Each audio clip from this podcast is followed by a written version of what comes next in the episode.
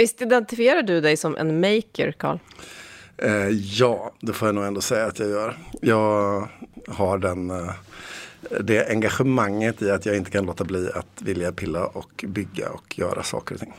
Även om det hörs lite på ordet då, men kan, vad, vad, är, vad är du då när du är en maker? Vad gör du då? Um, ja, men för mig så är en, det man kallar för en maker, det är en person som, eh, någon som har ett intresse för att skapa och eh, vara kreativ utifrån, inte utifrån kanske ett speciellt material eller en speciell särskild kompetens sådär, utan utifrån lusten att vilja utforska och pröva och skapa i sig själv. Sen om det är att man liksom kombinerar olika typer av eh, fysiska eller digitala skapande former eller eh, man ägnar sig åt liksom slöjd eller att eh, sticka eller väva eller vad det kan vara. Det, det, är liksom inte det som är i fokus utan det som är liksom utgångspunkten för makerkultur, om man använder det ordet, det är just intresset och viljan av att skapa och utveckla.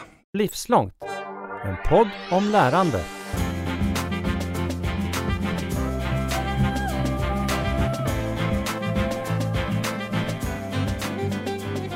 Va, vad tycker du det har betytt för dig då, i ditt liv? Vart har det tagit dig? Eh, nej men för mig så har det inneburit liksom väldigt mycket lärande i att våga och prova att göra saker och ting. Nu om jag ska gå till liksom det konkreta här och nu så har jag fått för mig att jag ska eh, bygga en helt ny studiomikrofon för mig själv från scratch med varje liksom, egen komponent för att jag vill se om jag kan göra det. Och det förra projektet var att jag byggt med en egen mobiltelefon.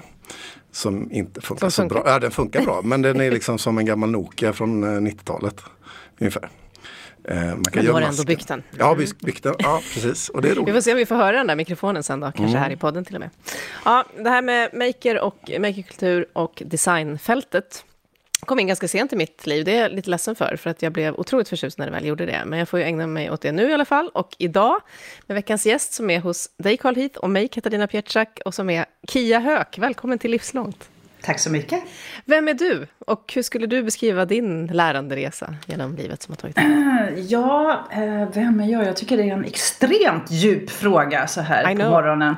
Uh, speciellt som jag har det där perspektivet att jaget förändras genom livet.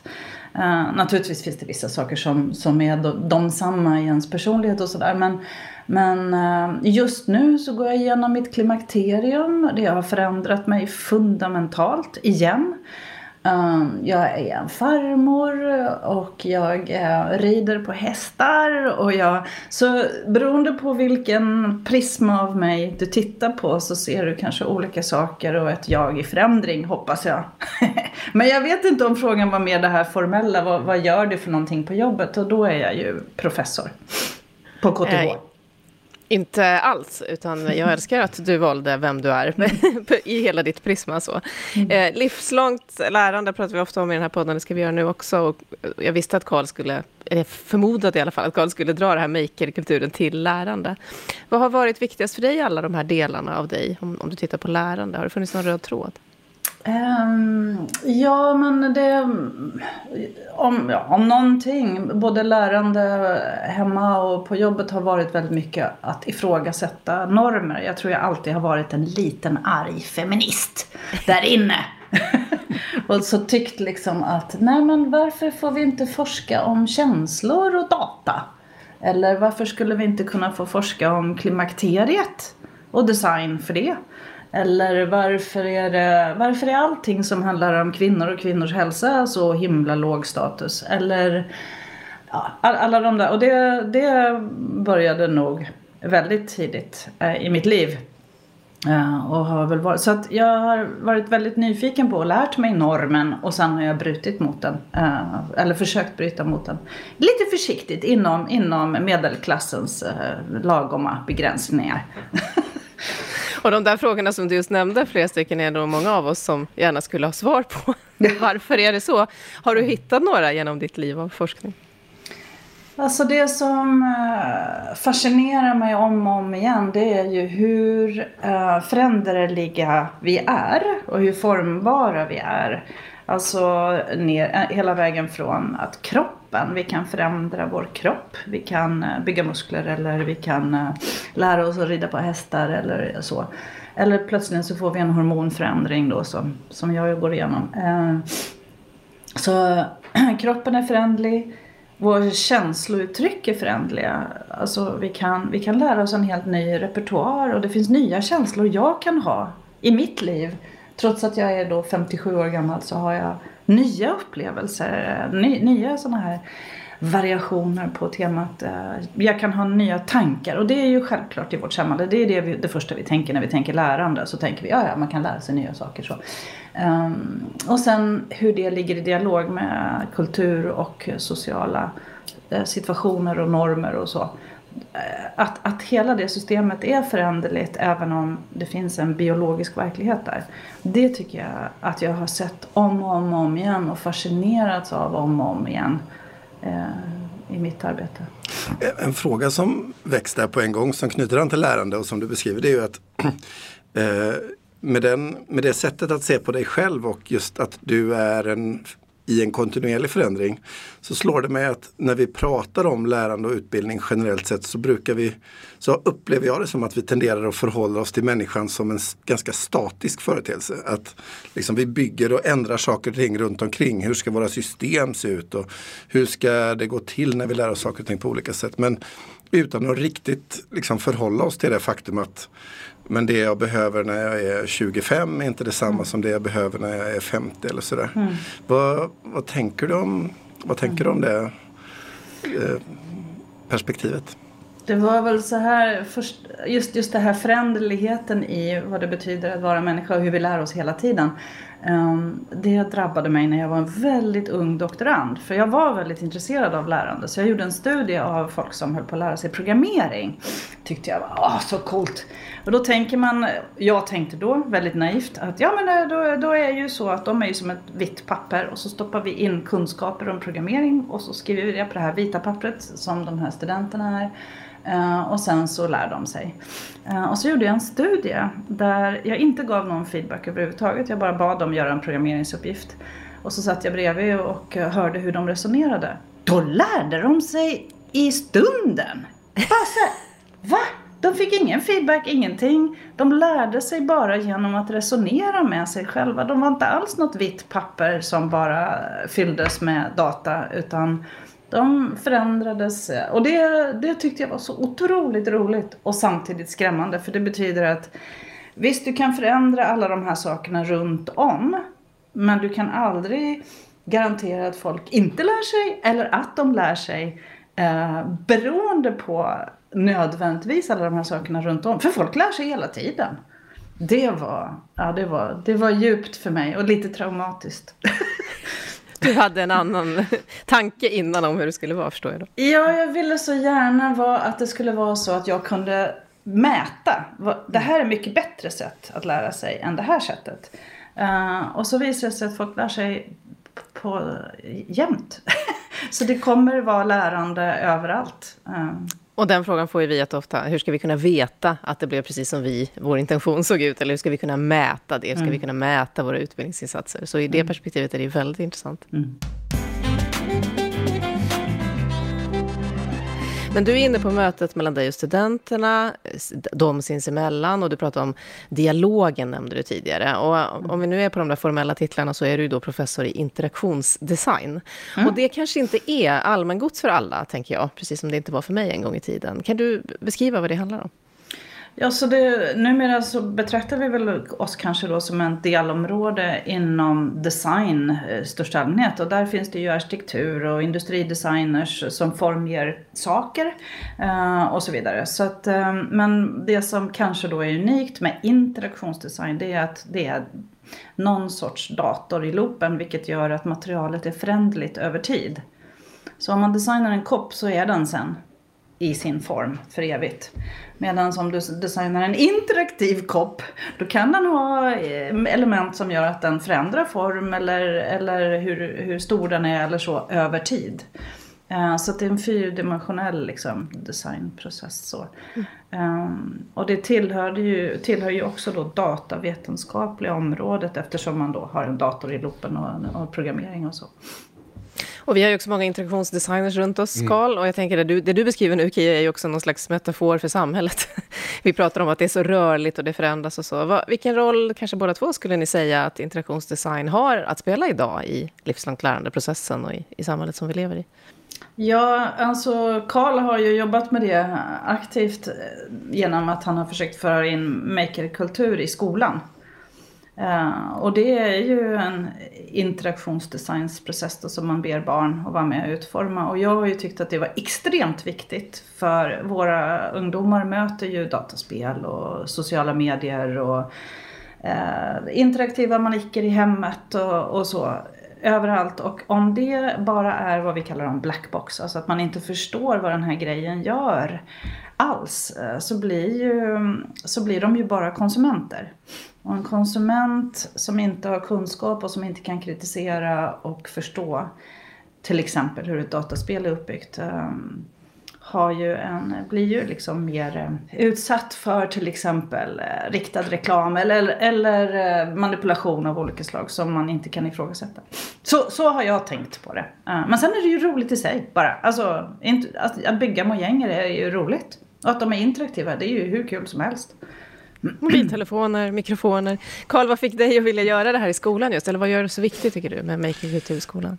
Eh, nej men jag delar Kias bild där. Och för mig så är det ju liksom nej, men på något vis någon form av emancipatoriskt projekt. Det handlar ju väldigt mycket om att eh, vårt samhälle, när, det, när vårt samhälle digitaliseras och när våra interaktioner, hur vi umgås, är, eh, beter oss i samhället, eh, sker oftast genom teknik.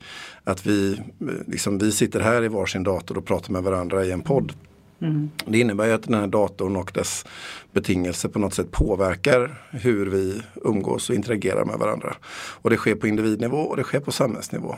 Och precis som, som Kia, du är inne på där så, så är min uppfattning att ju mer vi kan förstå eh, de här sammanhangen eh, och eh, ha, känna ett, ett ägarskap över eh, kunskapen kring de här teknik, teknologierna, desto bättre förutsättningar får vi för att också kunna finnas i samhället. Och makerkultur är ett lekfullt eh, utforskande och eh, lärande sätt att förstå eh, skapande på. Och där man inte är, är, väldigt sorglös över om det liksom är teknik eller inte. Det är inte det som är fokuset utan fokuset handlar om att lära sig och vara en del av liksom en nyfiken utforskande process. Eh, och, och, det gör att det blir tillgängligt på ett, på ett annat sätt. Eh, och det tilltalar mig mycket. I det sätt vi lär ut eh, interaktionsdesign på universitetet och, och i makerkulturen då så, så finns det ett speciellt sätt att tänka som jag eh, tycker är otroligt fascinerande. Nämligen att man kanske har ett problem man vill lösa men det är inte så himla väldefinierat. Man vet faktiskt inte riktigt exakt vad det är det här problemet. Och det, det, kan vara väldigt komplexa problem också där det inte går att definiera problemet så bra. Så istället för att oroa sig över att försöka definiera problemet så bygger man ett antal lösningar. Och så tittar man på de där lösningarna och så här, ja men vänta lite nu, det här betyder att den täcker det och det men inte det och det, men den där grejen den täcker det och det. Och så kan man från det komma till en bättre problemartikulering som gör att man kan komma fram med nya lösningar. Och det där tänkandet, baklänges liksom, tänkandet på något vis, där man utforskar och bygger och så ser man vad det blir och så tänker man hmm, eh, det går att tillämpa på nästan vad som helst. Så om man, om man tar ett exempel, om du ska utforma en ny lag, en pandemilag till, exempel. till exempel, bara för att ta något nytt, nytt som har dykt upp. Uh, istället för att definiera vad är problemet och vad behöver vi för lag så, så tar du fram tio olika potentiella sätt att uttrycka den här lagen. Och så tittar du på dem och så säger men den här kommer ju trassla till det med Norge. Oj, oj, oj. Och den här varianten, den kommer trassla till det med med eh, barn i skolan. Eller, och det här kommer stöka till det med yttrandefriheten. Eller, eller vad det nu är. och så på så vis kan man sen börja säga, jaha, okej, okay, ja men då är det ju det här vi, vi ska göra. Så mm, det, går, det sättet att jobba, det här lekfulla, öppna, jag bygger en mojäng, ser vad det blir och väldigt mycket i händerna på något vis. Alltså att du, du jobbar med dina händer, du, du liksom tar i materialen och form, formger och du förstår genom det. Det är eh, sunt och roligt och bra. mm. tänker jag. Jag tänkte på att Karl nämnde ämnet slöjd i början och det är faktiskt ett ämne som ibland ifrågasätts. Eh, kanske för att det fortfarande är utformat som när jag gick i skolan. eh, och, och, jag hör mina barn säga, jag sitter och väntar på syslöjdsläraren 90 procent av lektionen vid min symaskin. Eh, men jag vet ju att du, och ni båda säkert, men du Kia vurmar för det ämnet. Och i relation till det du säger nu så, så går det att förstå varför. Hur skulle du drömma om att slöjden då såg ut för att mm. här skulle, behoven skulle tillgodoses? Men är det inte väldigt fascinerande just att det är träslöjd och syslöjd? Visst är det så fortfarande? Ja. Nej. Eller här är det i alla fall. I skollagen så är det ju inte det, utan då pratar man ju om slöjd. Mm. Och där, alltså, utifrån våra kursläroplaner så har man ändrat i slöjdens eh, regelverk på ett sådant sätt som gör att eh, hållbarhet och cykliska processer och mer, liksom ett mer materialagnostiskt förhållningssätt. Att man kan liksom, det behöver inte vara trä och sy och så vidare. Men sen finns det ju en kultur. Mm. Eh, och det finns en infrastruktur i skolan mm. som gör att det, liksom det som är trä och, och sy mm. eh, liksom förstärks. Och det finns en lärarutbildning i, och så vidare. Så det finns ju väldigt mycket annat än regelverket som liksom mm. gör att den här förändringen tar tid. Liksom. Så om man skulle gå från traditionell slöjdkultur till makerkultur, hur skulle det se ut då? Vad säger du Kia? Nej, jag, jag, bara ville kommentera om träslöjden och syslöjden att den var ju så normativ. Det var ju, syslöjden var ju för oss kvinnor då, vi skulle ju bli eh, mm. Vi skulle ju ha lite koll på att laga barnens byxor och hej och hå. och, och, så jag valde ju träslöjd av det skälet för jag var arg redan när jag var 12. Uh, så, eller tio, eller hur gammal man nu var när man valde så, så liksom nej, jag ska minsann inte. Um, och det sorgliga med det var ju den här idén då att det här hör hemma i garaget och ska göra si och så och det här hör hemma i någon slags eh, uh, kvin kvinnorum. Uh, och makerkulturen tycker jag önskar jag skulle höra hemma överallt och blanda material hur som helst. Så mina kollegor nu, mina unga kollegor, de är fantastiska. De stickar ju kod. Alltså använder liksom stickning som ett sätt att uttrycka kod eller, eller de designar med mossa för att göra menstruationsskydd, eh, bindor liksom. Och de, men de är så respektlösa vad det gäller material och vilka material och hur man kombinerar material för att bygga intressanta grejer. Ehm, det finns också den här postdigitala rörelsen. Alltså att man ser inte det digitala som något speciellt material som ska vara vid sidan av utan man trycker ihop det med, med lite trä och lite plast och lite 3D-printade grejer eller vad det nu är. Ehm, och att det blir liksom det handlar snarare om det här förhållningssättet till att bygga saker. Det här lekfulla, öppna, roliga. Mm. En, en, fråga där Kia, det, för det du beskriver nu det är ju dina studenter i eh, universitetsmiljön som liksom tar sig an materialen på de här nya och andra sätten och så. Eh, ser du liksom hur det har skett en utveckling mot eh, ett mera liksom sorglöst förhållningssätt till material eh, över tid? Eller är det så att liksom, ni får börja från början igen när det kommer en ny kull studenter? Liksom, har våran tid förändrat hur vi ser på de här materialen och sätten att utveckla och så? Eller? Jag önskar att jag kunde säga att, att det har haft effekt det här. Alltså du, du har ju jobbat med skolor i Sollentuna och, och Upplands Väsby och så med, med makerkultur redan på eh, vad, vad vi förr kallade mellanstadiet är det väl? Um, och så. så jag önskar att jag kunde säga att våra studenter som kommer till KTH, att de har den inställningen. Men, och, och det är vissa kanske, men inte, inte alla. Och en del blir lite fundersamma då när de har läst mycket data och programmering där man ger ett givet problem, tydligt problem och så säger man lös det här problemet med programmering nu. Och så kommer de till oss eh, när det där fjärde årskursen och så och väljer en inriktning där vi då säger nej, nu ska vi utforska kroppen och rörelse och det här materialet och det här materialet. Ehm, vissa eh, har en, en större öppenhet, inte alla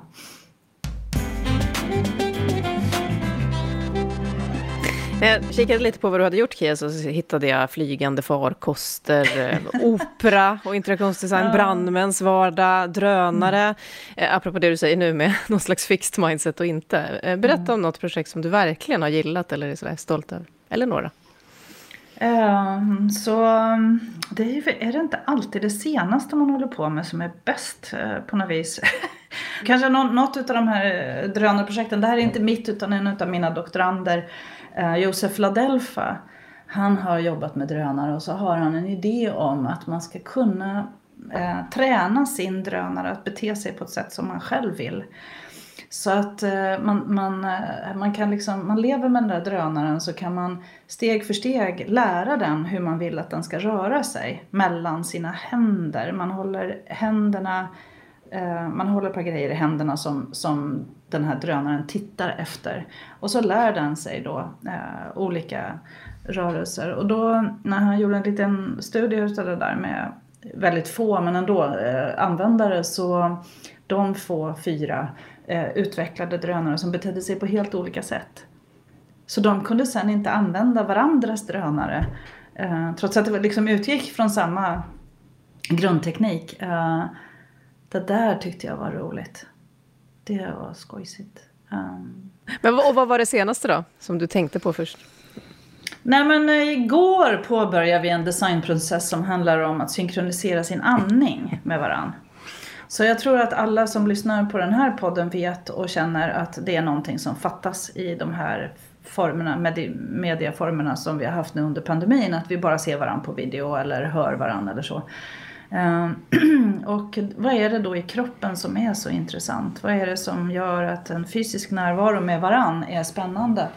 Och kan man designa någonting som gör att vi kan utvidga den här, det här mediet som vi är i nu och eh, synkronisering av andning är ju väldigt intressant. Alltså om ni någon gång grälar med er partner, prova då att börja andas i samma tempo som partnern och sen lugna ner den andningen steg för steg så kommer ni se att det går, det går bättre och bättre. Vi får inte eller... sällan också relationstips i den här podden ska jag säga, helt oväntade sammanhang. Ja, måste eller, ta, eller håll varandra i handen eller, eller sådär. Alltså det det är så basalt att vara en biologisk varelse, ett däggdjur. Alltså det, andning är en cool grej um, som man kan jobba med. Då. Så det började vi igår och då höll vi på och utforskade olika sätt att andas. Och vi var i samma rum. Flera av oss har haft covid så att vi var så här yes! nu kan vi gå in i samma rum och andas tillsammans. Uh, det är ju kul. Va? Det låter fantastiskt. En fråga på det temat, det är ju att när man lyssnar på dig och du liksom väldigt friktionsfritt rör dig mellan utforskandet av drönare till eh, dans eller att designa med mossa. Eh, så eh, väcker det många tankar för mig kring just hur man ser på kunskap. För jag tror för många så känns det som att nej, men drönare det är en särskild kunskap. Det är ett helt eget fält liksom. Och sen finns det ett annat fält som handlar om det där med liksom, mossor och lavar och grejer och doningar och sånt där. Och sen har vi det där med liksom, kroppen och, och att det liksom krävs det liksom någon form av mod? Eller för mig så känns det som att ja, men det krävs ändå liksom, antingen någon form av insikt eller ett förhållningssätt eller, ja, eller något mod för att mm. liksom, våga ta sig an alla de där olika sakerna i det här prövandet som du beskriver. Så det finns ju grundläggande forskningsfrågor som vi som är mitt i det där. Uh, så att vi jobbar ju utifrån en, ett designperspektiv som jag har kallat SOMA design. Alltså SOMA i meningen kropp, känsla, tanke som ett. Alltså människor är ju inte uppdelade i tankar här uppe i huvudet och eh, någonting annat i kroppen utan det hänger ihop, nervsystemet hänger ihop. Um, så Soma är ett sätt att uttrycka det. Soma design handlar i sin tur då om vad, hur kan vi eh, leva i någon slags dialog då mellan den här kroppen som utvecklas och förändras eh, och teknik. Mm. Och då är vi agnostiska vad det gäller kanske exakt vilka material vi ska jobba med. Men varje material vi tar in måste vi ju lära känna. Mm. Och helst jobba då tvärvetenskapligt eller mångvetenskapligt. Ehm, så att då försöker man ju hitta någon att samarbeta med som kan någonting. Så jobbar man med drönare så är det ju väldigt bra att jobba med någon som kan någonting om drönare. Eh, så Joseph Ladelfa han jobbar med ett svenskt bolag som jag just nu inte minns namnet på. Eh, som har utvecklat de här drönarna som han eh, sen har fått använda. Då. Och har ställt tusen frågor till dem och de har tyckt det var jätteroligt att svara för att det har hjälpt dem att utveckla en drönare som är som en plattform där många kan programmera dem sen och förändra dem. Ehm, och, det, och jag menar, och det, det, här gäller vilket område vi än går in i så, så måste vi jobba mångvetenskapligt. Och för mig är inte det obehagligt och det är inte ytligt utan det är roligt och utvecklande. Um, och jag vet att där är man ju olika, vad, vad, man mår bra av. Jag tänker också när jag hörde att du är en sån här så kallad gränsgångare, vilket vi faktiskt också har forskning på RISE ja. kring. Någon som rör sig mm. över de här olika delarna, helt, som Karl sa, friktionsfritt mm. så att säga. Men Karl, jag får också en bild av när du och jag var på en studieresa i Hongkong en gång i tiden, prepandemiskt, och av alla andra skäl kunde vi resa då. Och då var vi på en jättestor makermässa till exempel och vi hade ett stort gäng med oss och alla var ju inte så här bekväma som Kia beskriver nu. Utan det blir just lite hotfullt, lite så här, jag har ju berättat så många gånger i den här podden att folk använder ordet flummigt, det, det är bara lek, mm. varför är vi här på en jobbstudieresa och så. Hur, hur har du tänkt kring det här Karl? För vi var ju där tillsammans och upplevde det här. Och den mässan måste vi säga bara är helt jag vet inte hur man ska beskriva den ens. Den makermässan. Nej, det, det var en upplevelse kan man säga. Nej, jag kan inte heller beskriva det riktigt. Men det är ju verkligen en, eh, liksom, eh, det är ju en, en, en plats, eh, Shenzhen innanför Hongkong där liksom väldigt mycket av vår teknik skapas och, mm. och formas. Och att röra sig i den miljön blir väldigt liksom, agnostiskt för att använda ditt ord Kia. För att det är så många, där finns alla former av eh, liksom material och teknik och sammanhang. För det är där väldigt mycket av det vi använder i vardagen liksom börjar sin designresa någonstans eh, idag. Eh, för mig så, så var det ju en väldigt spännande och häftig upplevelse på det sättet att vara i en sån miljö där tillgången är så Eh, står stor på material. Mm. Det gör ju att iterationshastigheten, alltså liksom att kunna innovera blir snabbare. För jag behöver inte, jag kan liksom pipa ner på marknaden och köpa en liten grej som jag behöver och sen så märker jag att det inte funkar. Så måste jag pröva det igen. Och istället för att då liksom beställa någonting och få det hemskickat på två veckor och så ska jag göra det igen sen och sådär. Då kan man gå ner och snacka med dem som liksom är närmast fabriken. Eh, och det, blev en, det var verkligen en aha-upplevelse för mig just hur liksom, närheten till och tillgången till produktion och material och liksom, kedjan från att vara en designer till den som liksom, bygger eller skapar eller snickrar någonting eller liksom formar det grundläggande materialet. Den, den tar man för given på ett sätt som inte är självklart och det finns så mycket kunskap och lärande i det som är materialnära mm. som jag tror att vi eh, ibland tappar bort. Och där finns det ju ett väldigt stort, eh, jag, jag fascineras av det. Att eh, det, liksom risken som uppstår när vi liksom blir mera huvud än kropp eller vi inte liksom använder oss av materialens alla olika former och betingelser. Det gör att vi, vi tappar en del av, av vår kunskap på något sätt. Och saker man kunde se som folk hade byggt här var ju bara helt fantastiskt. Från gigantiska saker till små, små prylar som, ja, men som knappt går att beskriva. Stora robotar är väl ett enkelt ord för det och så. Det var fascinerande. Men då tänker jag på, vi pratar om huvudkropp, du berättade om studenterna som kommer och kanske kommer från en annan då skolning, KIA. Eh, och så är du ju själv professor på ett universitet. Mm. Lärosäten pekas ut i vår senaste forskningspropp som en viktig aktör i livslångt lärande och så. Men den där affärsmodellen för universiteten, den har hållit på ett tag får man säga. Mm. Och nu pratar vi om att lära på ett helt annat sätt och med ett helt internet och alla prylarna. Så. Varför ska man gå på universitetet när det ser ut så här? Jo, men det handlar ju om kultur. Alltså det handlar ju om att lära sig en viss kultur. Så nu under pandemin så tycker jag att vi har fått världens chans. Alla kriser är ju också en möjlighet till förändring. Och, eh, så jag har tänkt mycket på det där att den gamla katederundervisningen den kan vi ju köra online. Det är ju inget problem och då kan ju studenter läsa var som helst i hela världen. Varför ska de läsa just på KTH? De kan ju ta en kurs i programmering hos den som uppfann programmeringsspråket. Det är ju fantastiskt liksom. Så varför ska de komma till KTH? Ja men det är därför att man måste vara på campus för att lära sig just de här sakerna vi pratar om nu. Att bygga grejer, att ha ett, ett sätt att förhålla sig till problem.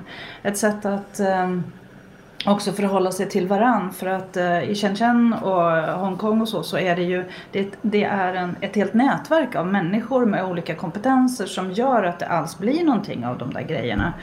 Eh, och stött av den kinesiska staten också. De, de ser det där som en innovationshubb eh, som de kan tjäna pengar på. Ehm, och det har gjorts en del studier av det som är lite obehagliga. Men i alla fall.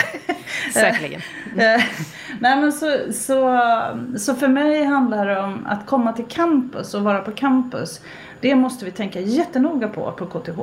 Eh, precis som du säger så måste vi fundera över vad är det man får när man är där som är unikt och som gör att man faktiskt fortfarande behöver en fysisk plats. Och då har det att göra med kroppen, kultur, normer, problemlösning, attityder, alla de andra sakerna som är minst lika viktiga för att bli en god ingenjör, för att bli en god maker. Um, och som vi kan ge i, i dialog då. Så att uh, maker spaces av olika slag, man kan kalla dem infrastrukturer om man vill ha ett litet fint ord infrastrukturer på KTH är väldigt viktigt. Ehm, alltså att till, tillhandahålla avancerade maskiner för eh, olika saker. Så, så det, det är så jag ser det. Sen är det ett livslångt lärande som vi sa förut, alltså det tar inte slut då. Ehm, och det måste vi också förmedla på KTH, att det här är, det handlar om att oh, det kommer något nytt någon ny grej här. Oh, då provar vi den. Uh, och den, hur gör vi det? Ja, men då provar vi så här. Då har vi det här förhållningssättet till hur vi provar nya saker. Uh, så det är en helt annat. Det handlar ja. Så de grundläggande kurserna i, som vi har, jag vet att en del studenter inte kommer till eh, föreläsningar redan innan pandemin.